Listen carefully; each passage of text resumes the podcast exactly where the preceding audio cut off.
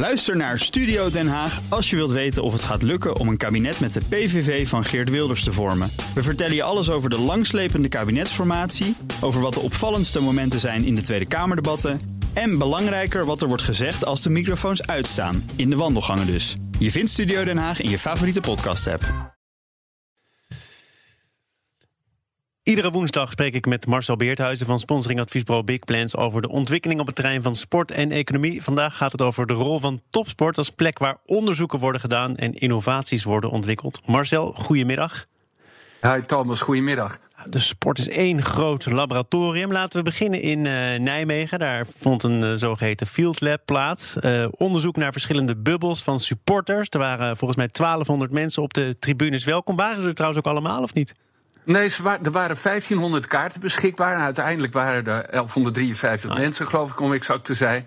Uh, niet iedereen wilde, want je werd volledig in de gaten gehouden. Dat vond niet iedereen een, uh, een, een veilig gevoel of een fijn gevoel. Uh, maar de mensen die er wel waren, waren ontzettend enthousiast. En vonden het leuk dat ze weer een keer op de tribune konden zitten. Het was mooi weer. De thuisspelende club NEC die verloor helaas wel. maar er waren ook mensen die zeiden: Ja, ik ben vandaag gewoon.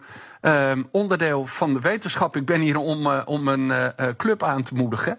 Maar ik lever ook een bijdrage aan de wetenschap. Dus dat is eigenlijk heel mooi. Dan naar een wereld die al heel lang een uh, bijdrage levert aan de wetenschap. Want wat in de Formule 1 ontwikkeld wordt, komt vaak met enige vertraging weer terecht onder onze eigen motorkap. Gisteren werd de nieuwe wagen van Max Verstappen onthuld.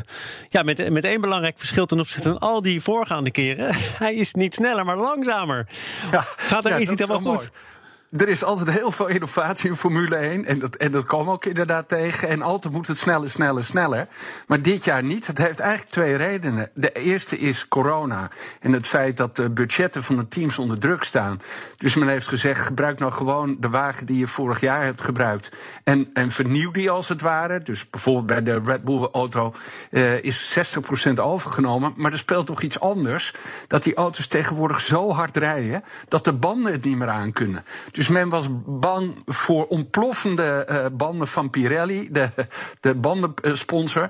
Dus er is iets gebeurd met de aerodynamica aan de onderkant van de auto, waardoor die anderhalve seconde zo'n beetje verwacht men per, per rondje minder gaat uh, rijden.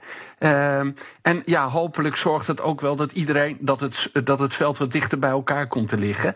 Maar in de Formule 1 dus niet sneller, maar langzaam. Dan gaan we naar een aantal sporten waar het wel allemaal sneller is gegaan. Uh, laten we dichter bij huis beginnen, namelijk in Tialf in Heerenveen. Daar was uh, vorig weekend het WK afstanden. En daar werden hele snelle tijden gereden, net als in de wedstrijden daaraan voorafgaand. Maar ja, was dat nou allemaal puur natuur? Waren al die schaters in topvorm? Of was er gecreëerde rugwind? Want dat ja. verhaal gaat, hè? Ja, dat zegt men. En uh, nou, TIOF is een, paar jaar geleden verbouwd. Ze hebben uh, luchtroosters gemaakt om een afscheiding te maken tussen de mensen op de tribune en, uh, op, en de ijsbaan. Maar ja, die toeschouwers zijn er natuurlijk niet. Dus ze hebben die, uh, die, uh, die um, luchtroosters een kwartslag gedraaid. Ja. En daardoor is er een soort uh, rugwind ontstaan. Opeens werd er ook een wereldrecord op de 10 kilometer gereden. Nog andere wereldrecords. Nou, dat kan allemaal. Tialf die bagatelliseert het allemaal een beetje. Waar de schaatsers over klagen is het feit dat het niet gelijk was. Dus blijkbaar Niels van der Poel, de Zweed die het wereldrecord reed, had weer meer rugwind dan de, toen de Nederlanders reden.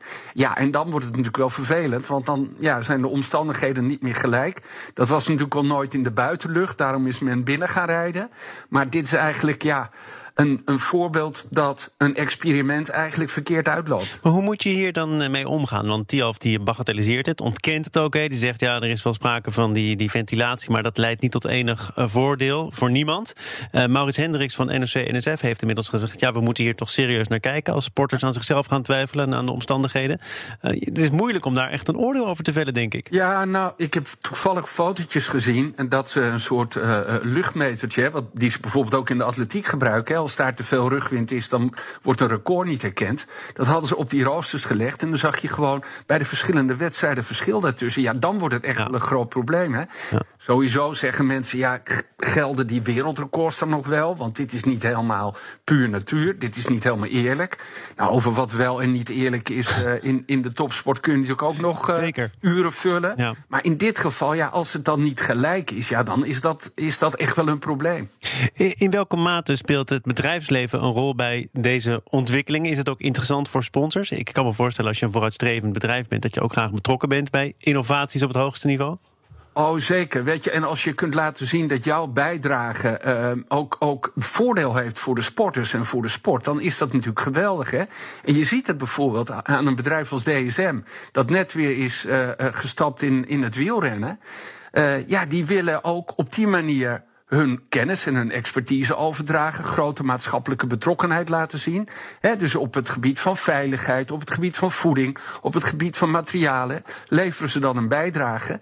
En dat vinden bedrijven natuurlijk prachtig. Dus dan geef je niet alleen maar geld, dan maak je niet alleen maar mede mogelijk, maar dan heb je ook echt invloed op de resultaten. En dan kan je laten zien wat jij echt daadwerkelijk kan, kan bijdragen. Het is eigenlijk de mooiste belofte die een, die een bedrijf door middel van sponsoring kan laten zien.